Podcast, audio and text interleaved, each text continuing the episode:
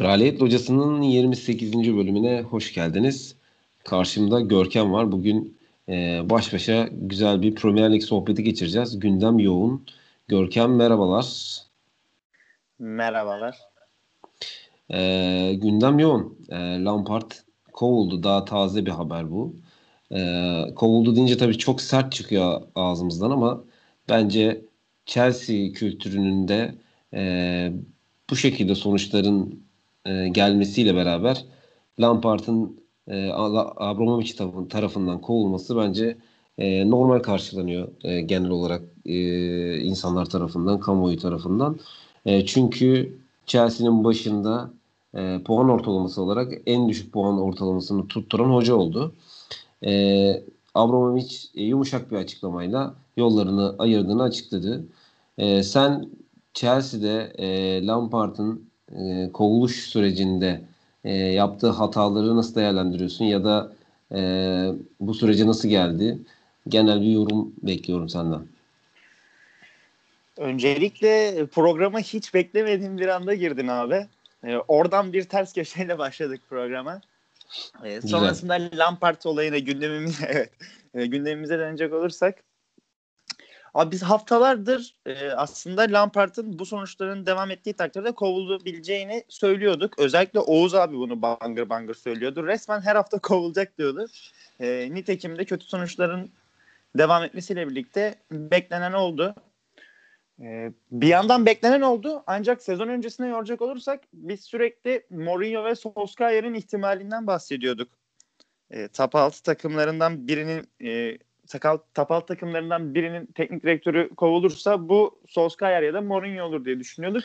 E, Lampard öyle kötü sonuçlar aldı ki ve öyle kötü sonuçlar almaya devam etti ki e, beklenen son kaçınılmaz bir şekilde gerçekleşti. E, Lampard benim için tamamen hayal kırıklığı yarattı bu sezon. Çünkü geçen sezon e, çok umut vadeden, e, ümit veren, kısıtlı ve genç oyunculardan oluşan bir kadroyla Şampiyonlar Ligi'nde yer almıştı ve e, bir acaba dedirtmişti. Şimdi sezon başında yapılan sükseli transferlerden sonra da beklenti bambaşka seviyeye gelmişti ve buna ayak uyduramadı. Dolayısıyla da bu kötü sonuçların devamıyla işte sürekli e, farklı farklı kadro denemeleri, e, ön libero'da bir Jorginho olsun, bir Kante olsun. Son e, kupa maçında Kovacic oynamıştı. Leicester maçında Kovacic Mount ikilisi önlerinde Havertz şeklinde e, bir e, üçlüyle çıkmıştı. Ne bileyim e, bir maç Ciro oynuyor Fulham maçında mesela. Bir maç Abraham oynuyor. Bir maç Odoi oynuyor. Odoi Pulisic kanatlarda oynuyor. Bir maç Werner kanat oynuyor falan. E, sürekli bir şey deniyordu. Bir sürekli bir şey deniyor deniyor ama aradan 19 hafta geçti. Artık en azından hani bir tak, takımın e, 7-8 oyuncusu belli olur. Geri kalan 3 oyuncu falan maça göre, sakatlığa göre, cezalılığa göre değişir. Ama e, Lampard adeta PlayStation oynuyor gibi sürekli takım denediği için e, takımda bir ritim sorunu ortaya çıktı. E, kafasındaki ana planı tam olarak uygulayamadı. 14 Ağustos e, 2019'da e, Vodafone Arena'da oynanan o e, Liverpool-Chelsea maçında e, 2-2 bitmişti maç. Penaltılara gitmişti ve e, e, Liverpool penaltılara kazanmıştı. Lampard'ın ilk maçıydı o. O gün çok kısıtlı imkanlarla e, gerçekten bayağı ümit vermişti o e, dolu dizgin gelen Liverpool karşısında. İşte o günden bugüne takımın daha da gelişim göstermesi gerekirken ya da bu tahmin edilirken maalesef e, Los Galacticos diyebileceğimiz takımdan tepe taklak e, giden bir süreç karşımıza geldi ve e, Hazinson, Super Frank Süper Frank e, çok kötü veda etti. Ama ben şunu da e, eleştiriyorum abi. Yollanış biçimi çok yanlış bence. Neden diye soracak olursan bu bekleniyordu e, ve elbet gelecekti belki ama madem göndereceksin Lampard'ı neden Leicester maçından sonra göndermiyorsun? Leicester 2-0 yendikten sonra Chelsea'yi ki e, bence en banko maçtı. Leicester'ın %100 kazanacağını düşünüyordum. Hiç şaşırmadım. E, ama Leicester maçından sonra Lampard'la yolları ayırırsa çok mantıklı gelirdi bana. Ama hafta içinde e, Luton Town maçından sonra 3-1 kazanılan bir kupa maçından sonra FA Cup galibiyetinden sonra Lampard'la yolları ayırmak bugün hatta birkaç saat önce yollar ayrıldı. Ee, çok absürt geldi bana. Çünkü bu tarz olayları sıcağı sıcağına yapmak daha mantıklı bir hareket gibi benim, e, gibi geliyor bana ama ne bileyim belki de haftalar öncesinden planlanmış bir şey bu Abramovich tarafından. Zaten şöyle de bir e, veri vereyim. Son 2, 4, 6, 8 8 maçta e, yalnızca 2 galibiyet alabilmiş Chelsea. Premier Lig'de. Çok skandal. yani hani ayrılış biçimi yani kovuluş diyelim tırnak içerisinde biçimi hakikaten ilginç oldu ama e, ben de gördüğümde şaşırdım. Kazandığı maçtan sonra neden yollar ayrıldı diye ama e, Abramovich'in açıklamasını gördükten sonra biraz hani şıklık olsun diye bile yapılmış olabilir. Çünkü Lampard her ne kadar şu anda Chelsea'nin başarısız tırnak içerisinde bu sezon için teknik direktörü olarak görünse de e, kulübün çok önemli bir simgesi. Abramovich de e, buna vurgu yapmış. Hani yüksek iş ahlakına sahip dürüst bir adam bu kulübün önemli bir simgesi gibi e, her zaman burada hoş karşılanacak gibi cümleler e, kurmuş. Hem bu hem de e, bence bir plan dahilinde. O dediğim de doğrudur. Belki uzun süredir planlıyordur. Abramovich e, bence her teknik direktörün e, başarısız olma ihtimaline karşın planlar oluşturuyordur diye düşünüyorum ki Lampard ayrıldıktan e, hemen sonra e, Thomas Tuchel e, haberleri de ortaya çıkmaya başladı. Bence çok hızlı yani çok güçlü olarak görülüyor. Hani bu kadar net ve bu kadar hızlı çıkması e, bu işin biraz plan dahilinde olduğunu da ortaya koyuyor. Hani ilginç bir karardı. Sana katılıyorum o noktada. Ben de bir iki bir şey söylemek istiyorum. Hani Lampard'ın buraya hani Chelsea'den ayrılışına hani kovulmak biraz sert geliyor bana kelime olarak ama e, aslında olan bu olsa da insanın dili el vermiyor. E, Chelsea'den ayrılış sürecine gelişinde e, biraz orada e, iğneyi kendisine batırması lazım. Hatta çuvaldızı da batırması lazım. Çünkü e, dediğin gibi sezon başında çok iyi hatırlıyorum yaptığımız yorumları burada. E, çok doğru bir kadro, çok doğru bir transfer stratejisiyle takımı eline aldığını düşünmüyorum ben e, Lampard'ın ve transferleri kendisinin de yaptığını çok da fazla hani direkt müdahale olduğunu düşünmüyorum. Tabii ki aldığı işte Havertz, Werner, e, e, Hakim Ziyech bu oyuncuları reddetmeyecekti. Reddetmemiştir de. E, çünkü bu oyuncular gelirken bonus, ödenen bonservis bedelleri oyuncuların potansiyellerine göre çok uygun görünüyordu. E, harcanan para da her ne kadar çok yüksek olsa da e, bir takım mühendisliği içerisinde değil bu oyuncuların potansiyeline verilmiş e, paralar çerçevesinde kuruldu. Dolayısıyla da hani ben burada Lampard'ın bocalayacağını düşünüyordum. E, bocaladı da zaten burada hep beraber gördük denemeler yaptı. Lakin belli bir yerden sonra bu denemeler yerini bence e, teslimiyete bıraktı. Lampard e, elindeki kadrodan bir şekil ortaya koyamadı. Yani sezonun bu bölümünde artık belli oyuncuların hani sen dedin ya hani 7-8 oyuncunun belli olması lazım. E, aynen öyle. Yani belli olmasa bile bir rotasyon çerçevesinde olsa bile görevlerinin belli olması lazım. Şunu kastediyorum. Bir örnekle açıklayacak olursak hani Kante Jorginho 4-3-3 bir e, futbol oynuyor genelde Chelsea. Her ne kadar farklı formasyonlarda sahada da olsa yani topa sahip olan, e, topu rakip sahaya yıkarak çok da öyle tempolu top çevirmeden e, pozisyon yaratmaya çalışan bir takım. Bu oyunu Jorginho ile oynamakla Kante ile oynamak arasında çok fark var bana sorarsan. E, ve burada evet. e, bu düzeni oturtmaz e, oturtmak zorundaydı Lampard. Eğer oturtmazsa gideceği yer burasıydı. E, hatta şu bir örnek daha vereyim. Fulham maçında mesela Giroud'la maça başladı. E, kanatlarda Pulisic ve Hakim Ziyech var. Ya Hakim Ziyech e, asistçi hani tırnak içerisinde bir oyuncu. Yani koşu yoluna topu istemez. Ayağına ister içeri kırar. Yani derin e, kilit paslarıyla, nokta paslarıyla, ortalarıyla, şutlarıyla işi bitirecek e, bir oyuncu. Evet Ciro buna uygun görünebilir ama sol tarafta da yine topu ayağına aldığında nispeten hani hangi özelliği daha yüksek dersek Pulisic topu ayağı, ayağına aldığında dribbling yeteneği daha yüksek bir oyuncu e, gibi bir oyuncuyu tercih etti. Onun yerine çok da iyi gitmezken kazandığı maçla ilgili söylüyorum bunu bu arada. Yani skorla ilgili söylemiyorum. E, o yaptığı tercihlerin mantık hatasından bahsediyorum. E, Pulisic yerine orada Werner tercih etmesi gerektiği bana sorarsan aşikar. E, lakin belli ki Lampard'da e, kontrol kaybolmuş. E, ve e, bu da yönetime yansımış. Abramovich'e yansımış. Belki konuşmuştur bile. Bilemiyorum yani o işin o tarafını. E, dolayısıyla bu hazin son gerçekleşti. Dediğin gibi sezon başında konuşurken Mourinho ve Solskjaer burada en büyük adaylardı. Top 6'ten biri gidecekse kim olur? E, biz burada kendi aramızda biraz böyle minik bahisvari konuşuyorduk. E, Lampard e, herhalde Guardiola ve e, Pep'ten, e, Guardiola ve Klopp'tan sonra e, yeri en sağlam olan hoca olarak görünüyordu bizim kafamızda. Lakin o krediyi çok Belki bir de Arteta'dan sonra. Bilmiyorum Arteta'yı. Arteta Arsenal, Arsenal yönetimin basiretsizliğiyle ilgili bir şey de olabilir. Yani hani kovması anlamında değil. Yani zaten biz çok başarısız ve kovamayız. Yani orada o da durum farklı ama haklısın. Arteta'yı da kovamıyorlar. E, kovamazlar. E, o, hocaydı Lampard. Belki en zor kovulacak hocalardan biriydi ama kendini bu duruma soktu. Yapacak bir şey yok. Premier Lig sert yani. Hani e, birazcık sallandığın zaman 2-3 tokatta başkaları vuruyor. Birileri daha vuruyor. E, burada ligin sonuncusu Sheffield United her hafta övdüğümüz takım. 5 puanı var. Her hafta övdüğümüz takım. Gerçekten çok zor bir lig.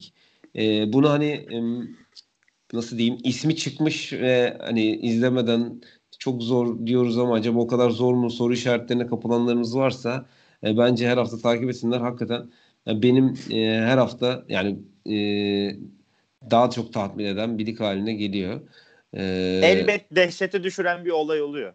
Ya elbet oluyor abi. Yani Chelsea şu kadronun e, şu kıvama gelmesi, Lampard'ın şu kadroyla kov, kovulacak kıvama gelmesi e, bu sadece işte 17, 18, 19 haftada toplam 19 maç oynamış ligde Chelsea. 19 haftada oldu. Nereden nereye? E, Chelsea ile ilgili benim de düşüncelerim böyle. E, Lampard'a üzüldük tabii. Sa- şunu da sorayım. Kısaca bir yorum bekliyorum senden. Çünkü kesin bir bilgi yok. Ama belli ki Tuhel'le e, çok büyük bir yol kat edilmiş. E, ben kısa düşüncemi söyleyerek sana atayım topu. Ben Tuhel'in bu takım için e, uygun bir hoca olduğunu düşünüyorum. Tuhel Paris için uygun bir hoca değildi. Çünkü orada egolar vardı. E, ve o egolarla e, baş etmek hocalık yeteneğinden daha farklı bir yetenek istiyor. Liderlik yeteneği. La, e, bence Tuhel'in e, en önemli özelliklerinden bir tanesi bu genç oyuncularla e, onların potansiyelini ortaya çıkartarak takımı da yukarı çekmesi. Mainz'da bunu gördük. Dortmund'da da gördük. E, Paris'te yüzde yüz göremesek de böyle bir uygunluk olduğunu düşünüyorum. Sen Tuchel gelirse e, ne katar diye düşünüyorsun? Şovmenlik katar her şeyden önce. e, aşırı şovmen bir teknik direktör. Benim pek sevdiğim bir hoca değil. Ancak e, evet dediğin gibi bu takıma yarar ve e, istedikleri şeyleri yaptırabilir. Hatta benim aklıma direkt şöyle bir soru oldu. Acaba Marquinhos'u almaya çalışır mı direkt? Çünkü Paris'te Thiago Silva ve Kimpembe'nin önünde Marquinhos'u oynatıyordu. Stoper bir oyuncu, ön libero oynatıyordu. Şimdi Chelsea'de bu tarz kullanabileceği bir oyuncu yok. Ama dediğim gibi bir Marquinhos transferi dener mi eğer e, takımın başına gelirse? Direkt aklımın ucuna böyle bir soru takıldı. Böyle bir transfer yapılırsa Kante ve Jorginho'nun durumu ne olur? Gibilerinden ekstra soru işaretleri doğdu. E, beklemedeyiz. Beklemedeyiz aynen. Ee, ben e, hani böyle Neymar tarzında bir e, tartışma yaratacağı bir oyuncu da yok zaten ki Neymar'la öyle. da tartışma yaşamadı. Hatta tamamen özgür kıldı. E, sahte 9 oynatmıştı o özgürlük verebilmek için. E, düşünüyorum burada belki Pulisic'e ekstra bir özgürlük tanıyabilir ya da Timo Werner'e beklemediğim çünkü hepsi böyle birbirine e, benzer seviyede yıldız oldukları için misal veriyorum bir Eden Hazard olsaydı o zaman başka şeyler konuşabilirdik ama hani Lampard'ın ayak uyduramadığı süperstarlara, süperstar diyebileceğimiz seviyedeki futbolculara Tuchel daha iyi ayak uydurur. Ben de daha, daha iyi ayak uyduracağını düşünüyorum. Şöyle de e, bir durum var. Yani bunlar e, neticesinde profesyonel sporcu da olsa bir insanlar ve e, Tuhal ve bu oyuncu e, kitlesinin enerjisinin birbirine çok yakın olduğunu düşünüyorum. Hepsi e, yukarıya gitmeye aç. E, Tuhal'in Neymar'la e, ya da işte e, Paris'teki egoları yönetiş biçimi de bence fena da değildi yani dediğin gibi. Evet. Aslında bir tartışmada yaşamadı. E, ama çok da tercih edeceği bir kadro değildir. Bu kadro onu daha çok heyecanlandırıyordur. Bence e, gelmek için o da e, oldukça heyecanlıdır. E, oldukça isteklidir. Göreceğiz dediğin gibi. Onu süreç gösterecek. Daha iyisini de bulamaz herhalde şu süreçte. Kendisi bulamaz. O da Paris'ten ama, kovuldu. evet kendisi bulamaz ama tabii ki Chelsea Chelsea'nin bu kadrosuna bence birçok hoca talip olabilir. Tam bir challenge kadrosu. Yani her şey her oyuncudan var ve hepsi potansiyelli. Bu kadrodan e, çok büyük bir başarı çıkartılabilir. Çok büyük başarı temeli atılabilir. E, dolayısıyla her hocanın isteyebileceği bir kadro bence. E, göreceğiz. Chelsea Kim başka takımın gelecekse. teknik direktörlerini de ayartabilir ama Tuchel'in e, şu an Chelsea'den daha iyi bir seviyede kulüp bulabilme ihtimalini pek Aynen öyle. Aynen öyle. E, aşırı enerjik bir adam. E, çok şovmen dediğim gibi. Ben hatta o yüzden pek sevmiyorum. Ama bu takımın e, bu statikliğine bir e, ekstra bir gürleme olabilir gerçekten. Bir hareket olabilir yani. Bir darman olabilir bence de. Aynen ee, öyle. Burada işlerin kötü gittiği Liverpool'a mı geçelim buradan? Bir takım daha var. Aynen Liverpool. Yani Liverpool'da işler bayağı kötü gidiyor. Skorlara baktığımızda onların da son maçlarda hani şöyle fikstüre uzaktan baktığımda yeşil bir görüntü görmüyorum. Genellikle gri ve kırmızı ağırlıklı bir görüntü görüyorum. Yani beraberlik ve mağlubiyet ağırlıklı. Hani son maç üzerinden bir FA Cup'ta biliyorsun Manchester United hafta içinde e, elendiler. E, hafta sonu pardon. E, dün oynandı maç. Hiç sürpriz olmadı. Yani sürpriz ee, olmadı. Hatırlarsan bana e, Premier Lig'deki karşılaşma hakkında ne düşünüyorsun demiştin. O gün e, Liverpool'un kazanacağını düşünüyordum. Ama bu FA Cup'taki karşılaşmada da Manchester United'ın kazanacağını düşünüyordum. Hiç de e, yanıltmadı beni. Sözünü kestim. Yok estağfurullah. Yani hani e, peki bu iki uçtaki düşüncelerini e, nasıl etkiledi? Yani ne etkiledi daha doğrusu? Bu yani sonuçta arada e, çok az bir gün var. E, bu kısa sürede Liverpool'un kazanacağını düşünürken ilk maçı ikinci maçı birdenbire Manchester United'ın kazanacağını nasıl emin oldun? Bu böyle ee, başlayayım bari konuya. Biri Enfield'daydı, diğeri Old Trafford'da. Ee, her ne kadar deplasman faktörünün olmadığı savunulsa dahi bence var. Ee, öyle ya da böyle var ve e, momentum. Liverpool sürekli dibe doğru giderken dip dediğim de böyle Arsenal gibi Chelsea gibi değil. Ancak kendi seviyelerinin aşağısında ve moral bozukluğuyla devam ederken Manchester United ise sürekli üzerine koyarak devam ettiği için e, bu da çok önemli bir etken oldu ve Liverpool'un elenmesi kendi için daha yararlı olacaktı bence. Nitekim de öyle oldu. E, Williams gibi, Jones gibi gençleri de oynatmışlardı o karşılaşmada hatta. E, Mason Greenwood olağanüstü oynamıştı. Rashford aynı şekilde olağanüstü oynamıştı o FA Cup karşılaşmasında da. E, benim çok kısa bir şekilde FA Cup değerlendirmem bu şekilde. Burnley maçına geçince farklı şeyler konuşuruz. Momentum ee, ve e, stadyum. stadyum benim için hala kritik. kritik.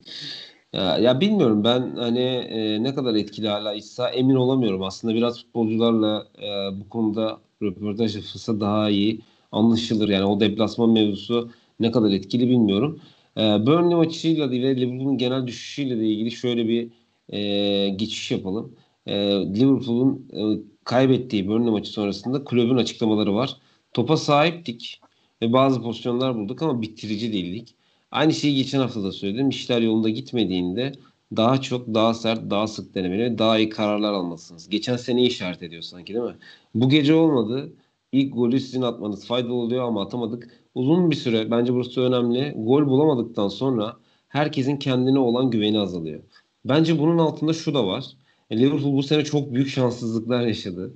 Ee, hani e, şu anda belki sadece Joe Gomez ve Van Dijk sakat görünebilir ama e, önemli maçlar çerçevesinde önemli maçlar oynanırken daha doğrusu sık sık maç oynanırken kritik oyuncular Henderson sakatlandı, Alexander Arnold sakatlandı. Ee, daha hatırlamıyorum. Ee, önemli kritik oyuncular sakatlandı ve bir türlü doğrulamadı. Ee, hatta Aston Villa'ya çok şanssız bir şekilde 7-2 yenilmişlerdi. Aston Villa'nın payını burada kenara koyuyoruz ama e, biraz da e, şanssız, şansları yaver gitmemişti yani o maçta. Onu söyleyebiliriz. Ya bu sene biraz kara bulutlar e, Liverpool'un üzerinde. Dolayısıyla ben momentum tarafına katılıyorum. Ekleyeceğim başka bir şey daha var ama Biraz senin de düşüncelerini almak istiyorum. E, ondan sonra kendim e, bir küçük minik bir tespitim var onu ekleyeceğim. Sen Liverpool'daki düşüşü genel olarak hani momentumu mu bağlıyorsun? Yoksa Van Dijk'in gidişi mi gerçekten takımı bu kadar paramparça etti? Van Dijk'ın gidişi gerçekten bu kadar takımın paramparça etti. Ama bunun tabii ki yan etkenleri de var. Mesela Alisson'da da gözle görülür bir düşüş var. Bu da aslında yine Van Dijk'la paralel bence. Kesinlikle yani kalecinin e, yedek ya da işte az kaleci olmaması yani birbirini tanımayan savunma ve kaleci e, mevzusu hakikaten çok geçerli. Bunu görüyoruz yani. Bunu bunu çok çok örneğini gördük. Alisson'da da görüyoruz. Bir düşüş var bariz. E, Fabinho'nun stoper oynaması da bunda etken. Çünkü e, yineliyorum. Çok iyi futbolcu, olağanüstü bir ön libero ama kötü bir stoper.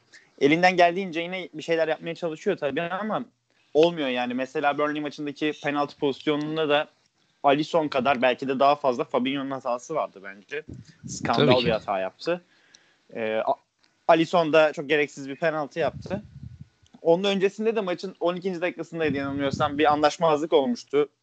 Bir boşta kalan pozisyon olmuştu. Orada belki bir gol çıksa bambaşka yerlere de gidebilirdi maç. Ee, şuna da yoruyorum ama geçen sezon e, bu pandemi olana kadar, pandemi arası girene kadar Liverpool en az 5-6 tane şansla maç kazanmıştı.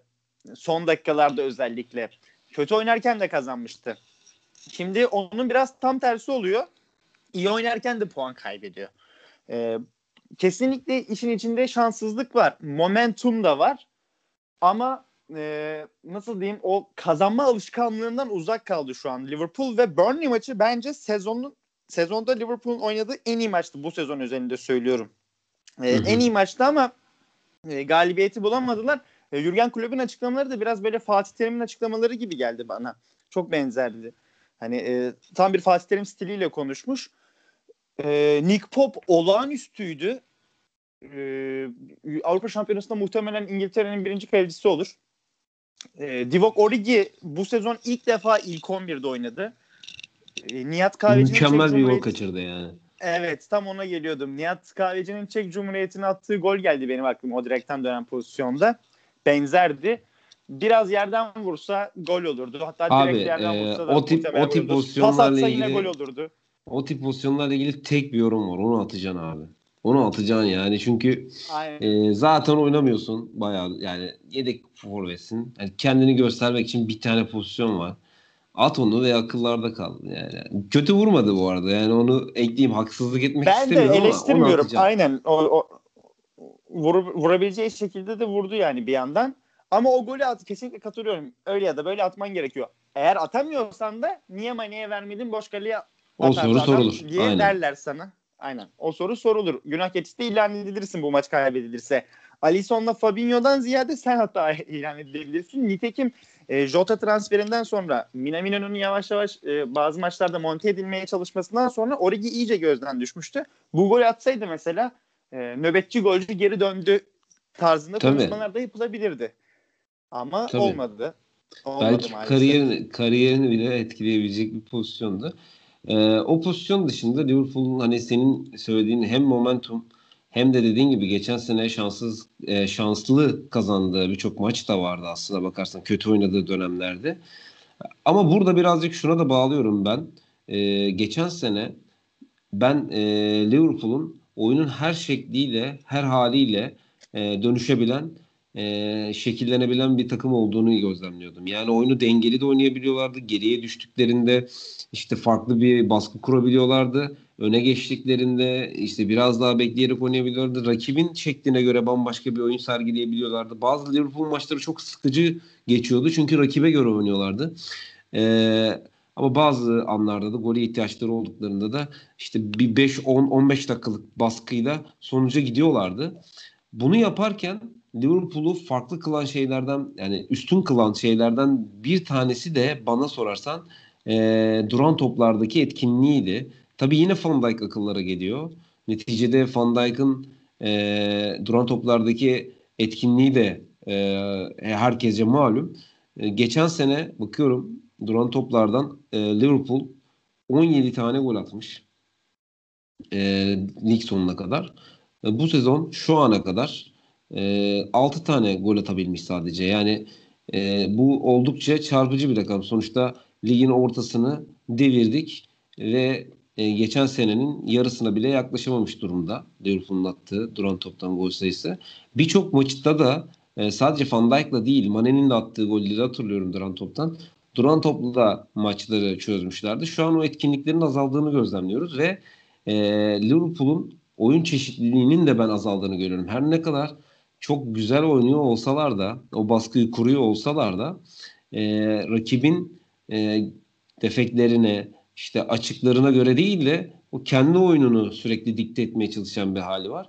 Burada tabii ki Van Dijk'ı dediğim gibi her zaman bir kenara koyuyoruz. Ya Van Dijk'ın varlığı demek o oyunun gerçekten sahada yüzde yüz bir şekilde etkin sonucu götüren bir e, hale bürünmesi demek. Neticede Van Dijk hem duran topta etkili hem e, geriden oyun kurulumu kurmada evet. etkili hem savunmada e, kapladığı alanla dönen topları alabilme kabiliyetiyle etkili hem de liderlik karakteriyle etkili. Yani Liverpool'da e, Henderson önemli bir lider olsa da Van Dijk'ın varlığı yani galibiyet için takımı ayrı bir motive eden e, figür. Yani adamın duruşu ya belki komik gelebilir bu yorumum ama adamın e, o duruşu ve gerçekten o boyda, o cüssede ve o mizaçta bir adamın galibiyeti istemesiyle Henderson'ın istemesi aynı şey olmuyor. Aynı etkiyi yaratmıyor. E, bence Matip'i de önem... olumlu etkiliyor. Yanındaki oyuncu da yani savunmadaki Aynen. yanındaki oyuncuları da olumlu Aynen. etkiliyor. Sen az önce söyledin.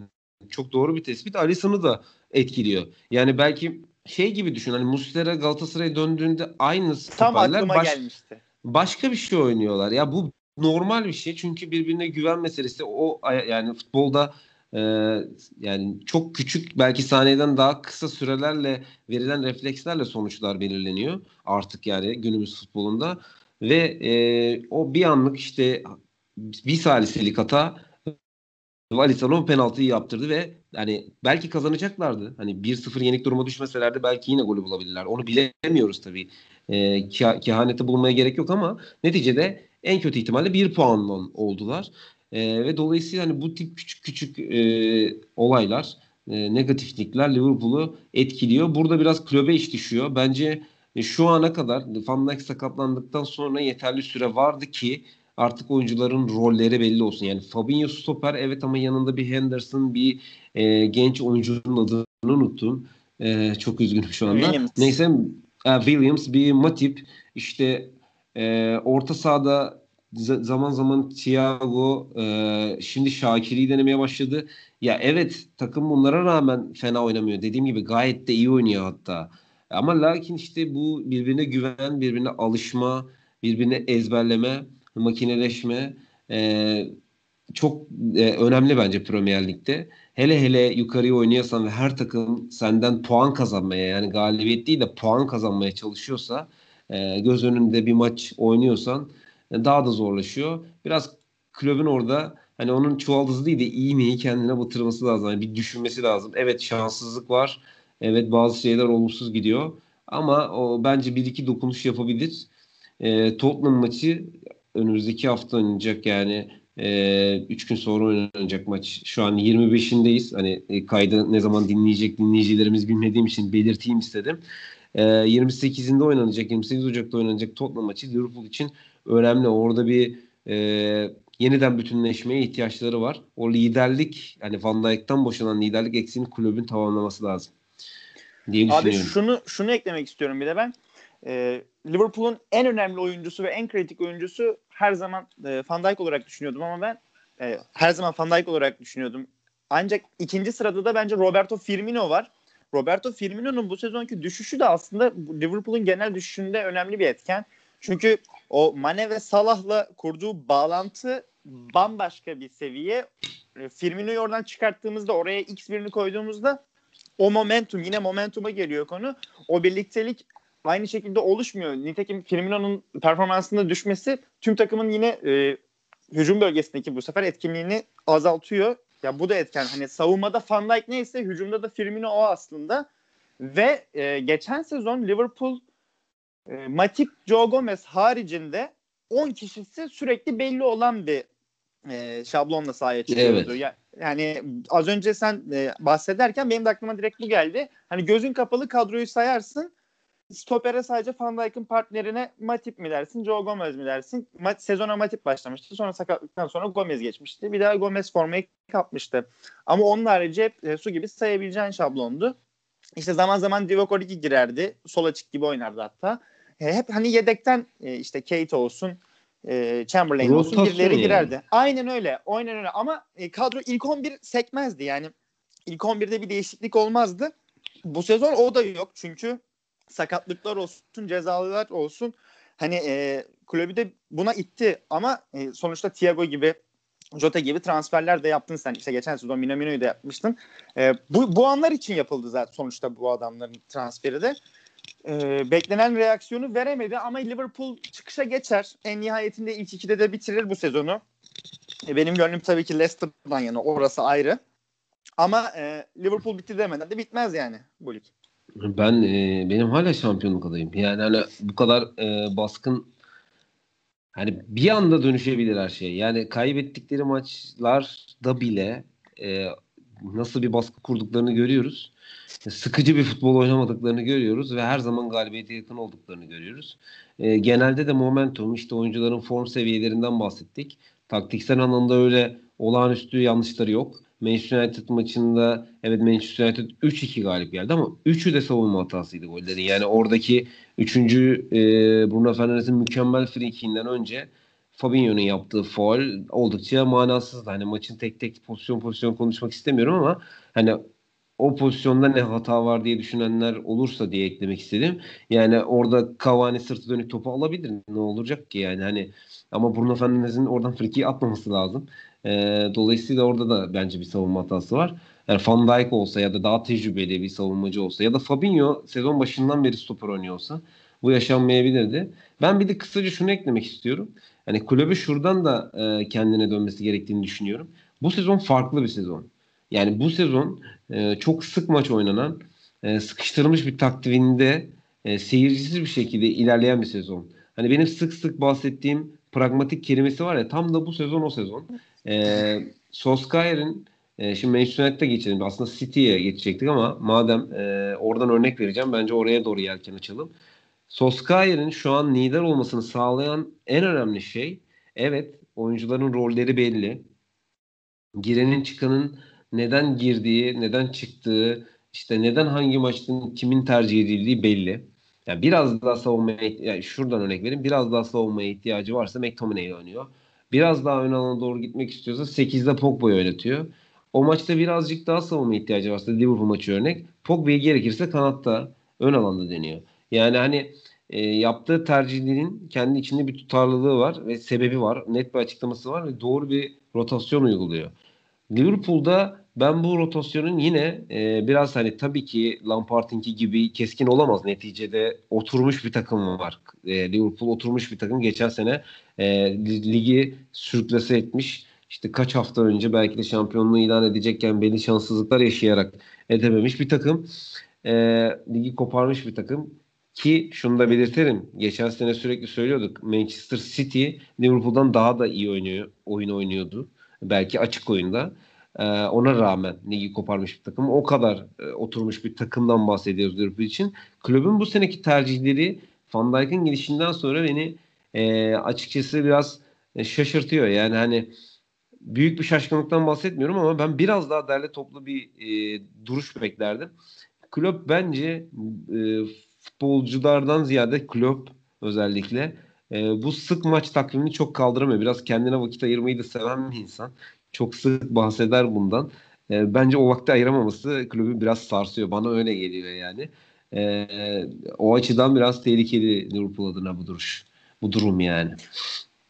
Klopp de farkında bence bunun. Sürekli taktiksel varyasyonlar da deniyor farklılıklara. Mesela 4-2-3-1'e dönüyor sürekli. Salah öne atıyor arkasında Firmino'ya dönüyor. Manchester United'da 0-0 biten lig maçında da 20 dakikada taktik değiştirmişti. Maça 4-2-3-1 başlayıp sonrasında 4-3-3'e geçmişti.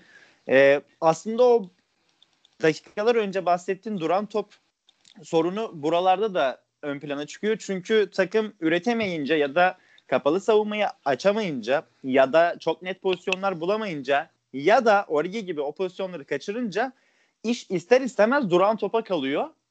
E, duran toptan da golü bulamayınca gol atamıyor. Hiç bulamıyor yani. Hiç, hiç kilidi hiç hiç e, hiçbir şekilde duran topu çözemedi. E, kritik bir nokta olduğunu yani o, onun da kritik şeylerden biri olduğunu düşünüyorum. Ya biraz ya geçen sene Liverpool'da en farklı kılan şey bence her şeyi çok çalışıyor olduklarını net bir şekilde ortaya koymalarıydı. Karma sistemi olağanüstü oynamasıydı. Hem ya ve, e, hem be, be, daga, hem kontra atak. Hepsi. Belli ki hepsini çok iyi çalışıyorlardı ama bu sene tam tersini görüyorum açıkçası. Yani çalışmadıklarını iddia edemem ama belli ki bir motivasyon düşüklüğü var. Bu da çok acı, açıkçası çok abesle iştigal bir şey değil. Ben yine de dediğin gibi. Rehavet rağmen, olabilir mi acaba? Yok ben rehavet olduğunu düşünmüyorum. Ya etkisi vardır ama bütün bu düşüşün rehavetle açıklanabilecek açıklanabileceğini düşünmüyorum. Ya rehavet sezon başındaki Leeds maçıydı. 4-3 bitti yani. Hani rehavet hali oydu bence o. Şu anda birazcık farklı durumlar cereyan ediyor. Yani dediğim gibi bu az önce saydığımız Timothy'yi yenilemeyelim. Durumların hepsi evet. e, birer faktör bence.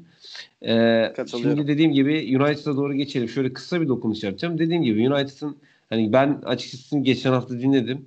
Ee, o yüzden United'a gireceğim. Yoksa United'la ilgili çok da farklı söylenebilecek bir şey yok. Ee, ekleyeceğim şey içinde sadece kalmasın. Evet içinde kalmasın. Sadece ben demiştim demek istiyorum. Ee, Soskayer hocamın e, bir Ferguson vari bir e, performans sergilediğini ve takımdaki taşları yavaş yavaş viral viral oturttuğunu gözlemlediğimi söylemiştim. Bunun gerçekleşmesi gözlerimi yaşarttı. Tahmin doğru çıktı anlamında değil. Bir Manchester United sempatizanı olarak tabii hoşuma gidiyor bu durum. E, Manchester United'da e, belki e, net bir oyun oynamıyor oynanmıyormuş gibi görünebilir. Ama bence işte Liverpool'da bahsettiğimiz belki Lampard'ı kovulmaya doğru götüren e, eksiklik olan rollerin belli olması e, Manchester United şu anda e, kağıt üzerinde yani tabloda lider gösteriyor. Bunu kağıt üzerinde dememin sebebi de City'nin maç eksiği olması. City maç eksiğini kazanırsa e, liderliğe yükselecek. E, Manchester United'ın bu doğruları yapıyor olması tabii ki dediğim gibi hoşuma gidiyor. Maguire ve Bailey ya da işte Lindelöf stoperleriyle bunu yapabilmek bence muazzam bir başarı. E, Ola Gunnar Solskjaer Bailey Bailey yeniden kazandı diyebilir miyiz? Ya işte yani hani e, bu dediğim gibi e, hoca işi, hocalık işi sadece işte taktik vermek, oyuncuları doğru antrenman etmek ya da doğru antrenman ettirmek artık yani her e, antrenmanın yani işte hücumun, savunmanın ya da atletizmin ayrı hocası olduğu için söylüyorum. Hani antren, antrenman ettirmenin e, doğru bir teknik direktörlük yaptığını açıkladığını düşünmüyorum. Yani hani cümleyi tam toparlayamadım ama şöyle ifade edeyim. Yani doğru teknik direktörlük sadece taktiksel tahtanın üzerinden geçmiyor. Çünkü artık çok büyük egolar, çok farklı karakterlerin bir arada olduğu bir e, dönemdeyiz. Her oyuncu yani bu e, 17 yaşında sadece bir maç forma giymiş bir oyuncu da olabilir. Her oyuncu kendi dünyasında çok büyük bir yıldız. E, dolayısıyla bunları takım olgusuna inandırmak eskisinden çok daha zor. Bu çok yavaş yavaş, çok zamanla olabilecek bir şey. E, ve tam olarak bunu yaptığını düşünüyorum ben Solskjaer'in. Mesela Alex Teres, Luke Shaw'dan belki daha iyi bir performans gösterebilir 2-3 maç üst üste oynasa. Ancak bunu yapmıyor çünkü e, burada hani Alex Teres sonradan geldi. Askerlik kafası gibi hani e, söylemiyorum ama burada Alex Teres'in e, zaman içerisinde muhtemelen e, Soskaer'e, takıma e, aidiyet hissiyatı arttıkça onun söylediklerini, e, onun taktiğine olan inancını, çünkü çok net bir taktiği yok Manchester United'in. Her maça özgü bazen şekil alabiliyor. E, onun söylediklerine inancının %100 olması lazım ki bir sonuç alabilsin. Şu anda ben Manchester United'de gördüğüm şey bir hoca takımı. Yani e, ve Bruno Fernandes'i tabii e, es geçmemek lazım. E, onu da tabii ekliyorum ama tabii ki onu da buraya monte eden adam Solskjaer'di. E, bu düşüncelerimi söylemek istedim Manchester United'le ilgili. E, Fulham maçına özel bir şey ekleyeceğim pek de yok yani. Hani o maça özgü bir durum yok. Her maçı farklı oynuyor çünkü Manchester United. Senin Manchester United ile ilgili ekleyeceğin bir şey var mı? Hani dediğim gibi geçen haftalardan dinledim. Birazcık ben oradan geldim de ekledim. E, ben bir Arsenal olarak Manchester United'ın bu halinden keyif alıyorum. Çünkü Manchester United Arsenal'ın en ezeli rakibidir. Benim de mesela normal şartlarda Premier Lig'de en sevmediğim takımıdır Manchester United. İkincisi de Tottenham tabii ki. Ama Manchester United'ın bu halinden o kadar çok keyif alıyorum ki. Çünkü hani e, ortada geçmiş bir rekabet var ve Manchester United'ın da bir e, tarihi var. Manchester United'ı bu şekilde görmek gerekirse o nefreti arttırmak çok güzel bir şey bence. E, ve tamamen Ole Gunnar Solskjaer hocamla gurur duyuyorum. Tebrik ediyorum Solskjaer hocamı. Yıllarca ee, kenarda ve, boşa oturmamıştı. Aynen öyle. boşa oturmadı. Ferguson hocam da haklıymış. Ve e, şunu söylemek istiyorum abi. Hep kısıtlı kadrolarla savaştı bu adam. Kısıtlı kadrolarla savaşırken de bir potansiyel olduğunu belli etti. Yani sürekli aynı şeyleri söylemek istemiyorum ama Fernandes ve Cavani transferleriyle de yani sadece iki transferle bile e, TYS'i saymıyorum çünkü daha böyle şu an e, takım alışma aşamasında daha Tabii yedek monte Ki TYS de süre bulacak ama elbet monte edilir. E, sadece iki transferle bile başka seviyeye getirdi takımı. E, tamamen böyle kafasında atıyorum bir stoper lazım. İstediği stoperi alırsa e, ne bileyim sağ bek yedeği işte orada böyle e, daha e, kaliteli bir rotasyon hani sol bekteki TS Show tarzında bir rotasyona gitmek isterse e, kalede de mesela Dehe Henderson olağanüstü bir rotasyon. Hani rotasyonunu da arttırdığı takdirde bu sefer Şampiyonlar Ligi'nde de başarılı olma ihtimali var diye düşünüyorum ben. Çünkü Manchester United'ın bu çıkışındaki en büyük gizli etken de Şampiyonlar Ligi'nden elenmesidir. Çünkü kulvarı daralttı. O daha arttırdı. Olabilir. Ee, bunu zaten dediğim gibi e, zamanla da göreceğiz. E, bu kadro tabii ki bence sezonu lider götüremez. Yani hani Bence de. Sürpriz. Üçüncü olsa bile e, kafi. E, tabii. Ama e, şu kadroyla e, şu ana kadar ortaya koyduğu performans ve bunun ki yanında Pogba gibi, Bailey gibi artık hani bunlar sanırım yavaş yavaş bu takımın oyuncusu olmadığını ispatlıyor dediğimiz anda bu, bu adamları olayın içine çekiyor olması bence onun e, hocalık demeyeyim ama e, adam yönetimi e, özelinde ne kadar e, önemli bir hoca olduğunu gösteriyor.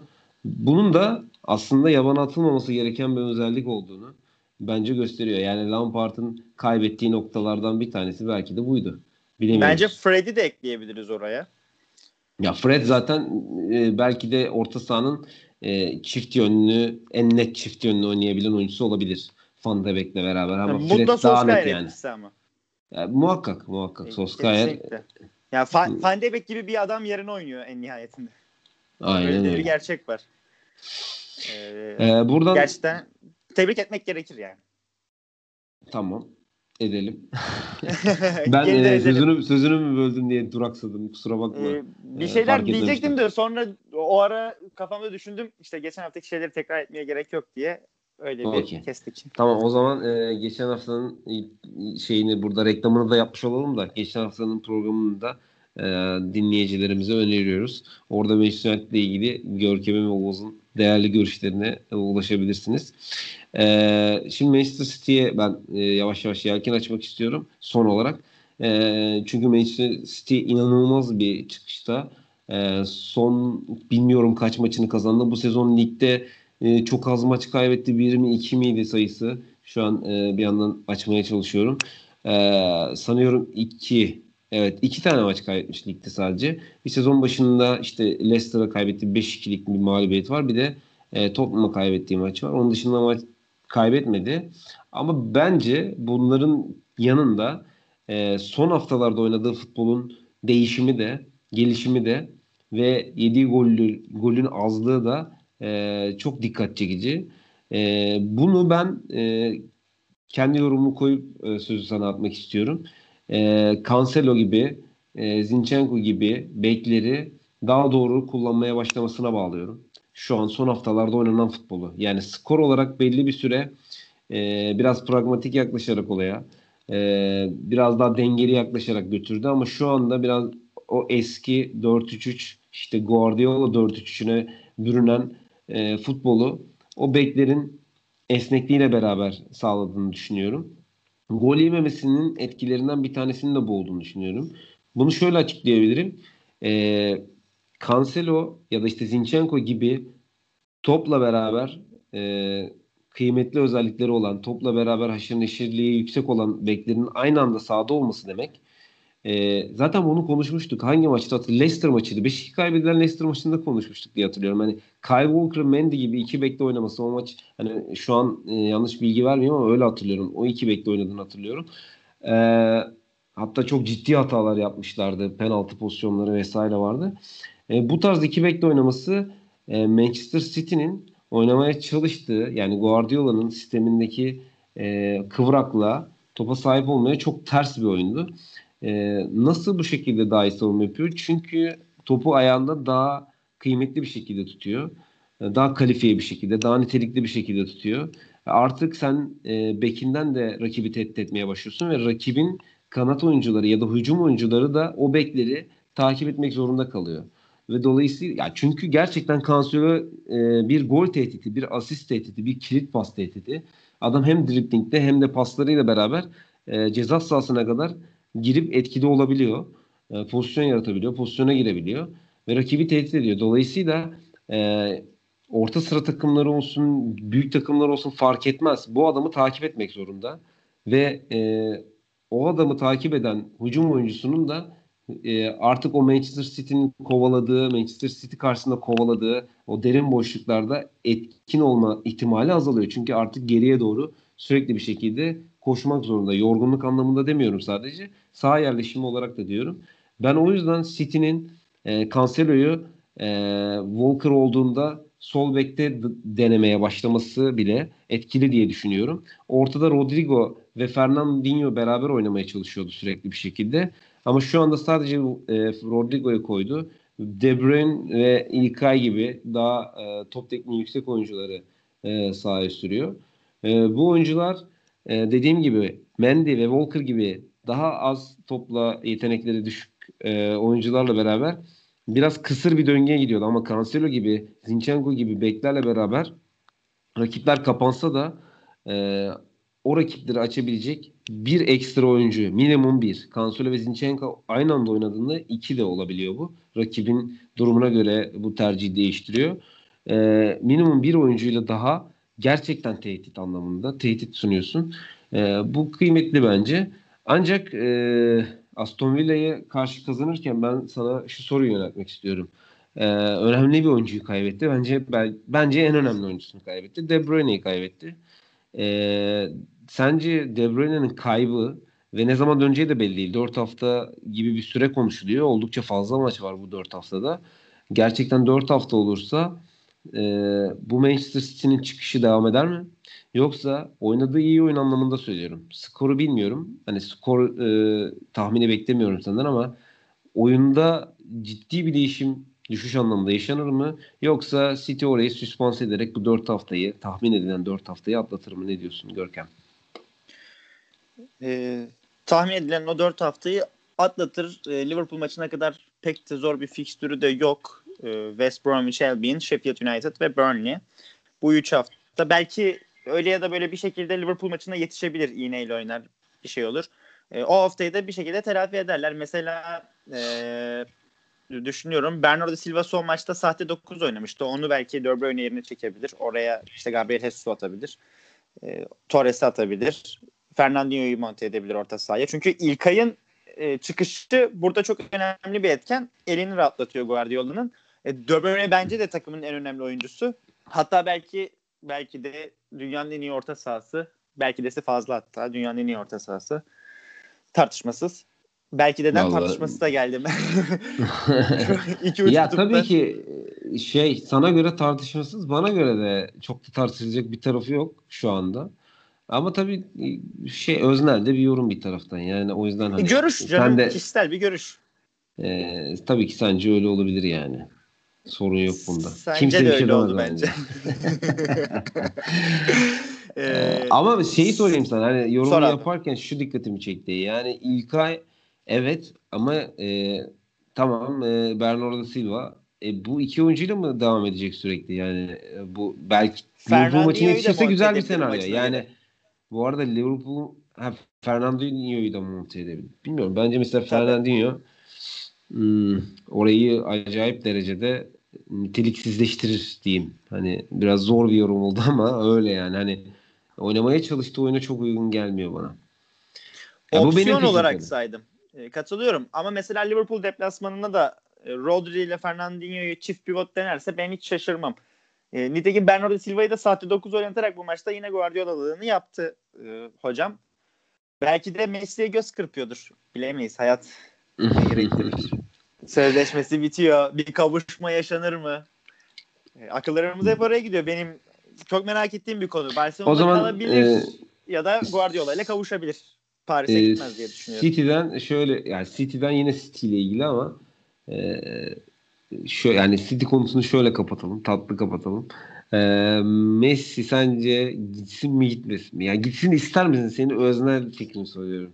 Gitsin ister misin? ama Tırnak içinde öznel. Hayır gitmesin. Ee, bu ne e, şımarıklıktır hem Messi için hem Guardiola hem de City için mi dersin? Yoksa gitsin abi izleyelim. Bir bakalım mı diyorsun? Merak ediyorum düşünceni yani bu konuda. Lionel Messi'cim gel kraliyet hocasında kavuşalım. Sen hocana kavuş. biz programımızda seni değerlendirelim. Ee, çok iyiydi. Çok iyiydi. çok iyiydi. Çok iyiydi. Çok iyi bir yorumdu. Ee, ben de kesinlikle isterim. Ben çok seviyorum çünkü Guardiola'nın e, şu oynattığı futbolu oturmuş halini. Her ne kadar birkaç program önce e, yerden yere vursam da sevdiğim bir oyun. Sadece alternatifsiz bul, buluyorum. E, ancak onu da e, sanki benim yorumlarımın üzerine e, lafları ağzıma birer birer tıkadı Guardiola ve bunu istersem yaparım dedi. E, orada bir Rodrigo dediğin gibi Fernandinho pivotu da denedi. E, öyle bir süspansiyon da buldu gol yeme e, ve işte bir türlü pozisyon bulamama ve maçları kazanamama haline bir çözüm getirdi. E, bu kavuşma olsun ve Guardiola, e, Messi biz burada bu ikiliyi konuşalım. E, haftalara bu şekilde devam edelim. E, Görkem ekleyeceğim başka bir şey yoksa bence burada tatlı bir yerde programı ufak ufak kapatabiliriz. Ne diyorsun? E, katılıyorum. Son sadece şunu söyleyeceğim. Cancelo'dan Philip Lam efekt çıkarttı Guardiola. Bu da önemli bir etken. E, takım için ekstra bir yarar oldu. Ekstra bir rotasyon oldu. Teşekkür ediyoruz. Ee, umarım haftaya e, Oğuz da aramıza katılır. Ben de burada olabilirim. Sen de burada olabilirsin ve e, çünkü bu hafta e, üçer, şey, ikişer maç oynanacak. Özür dilerim. E, ikişer maç oynanacak ve e, yoğun bir hafta olacak. Takımların genel durumunu tekrar değerlendirmek için önümüzde iyi veriler olacak. E, bakalım Chelsea'nin hocası kim olacak? Onu da hep birlikte haftaya konuşuruz. Görkem tekrar teşekkür ederim. Dinleyenlere de, de çok teşekkür, teşekkür ederim. ederim. Ağzına ee, sağlık. Eyvallah. Çok teşekkürler. Dediğim gibi dinleyenlere de çok teşekkür ederiz. Hoşçakalın e, Messi'ye come to city diyerek veda ediyoruz. İyi günler. İyi günler.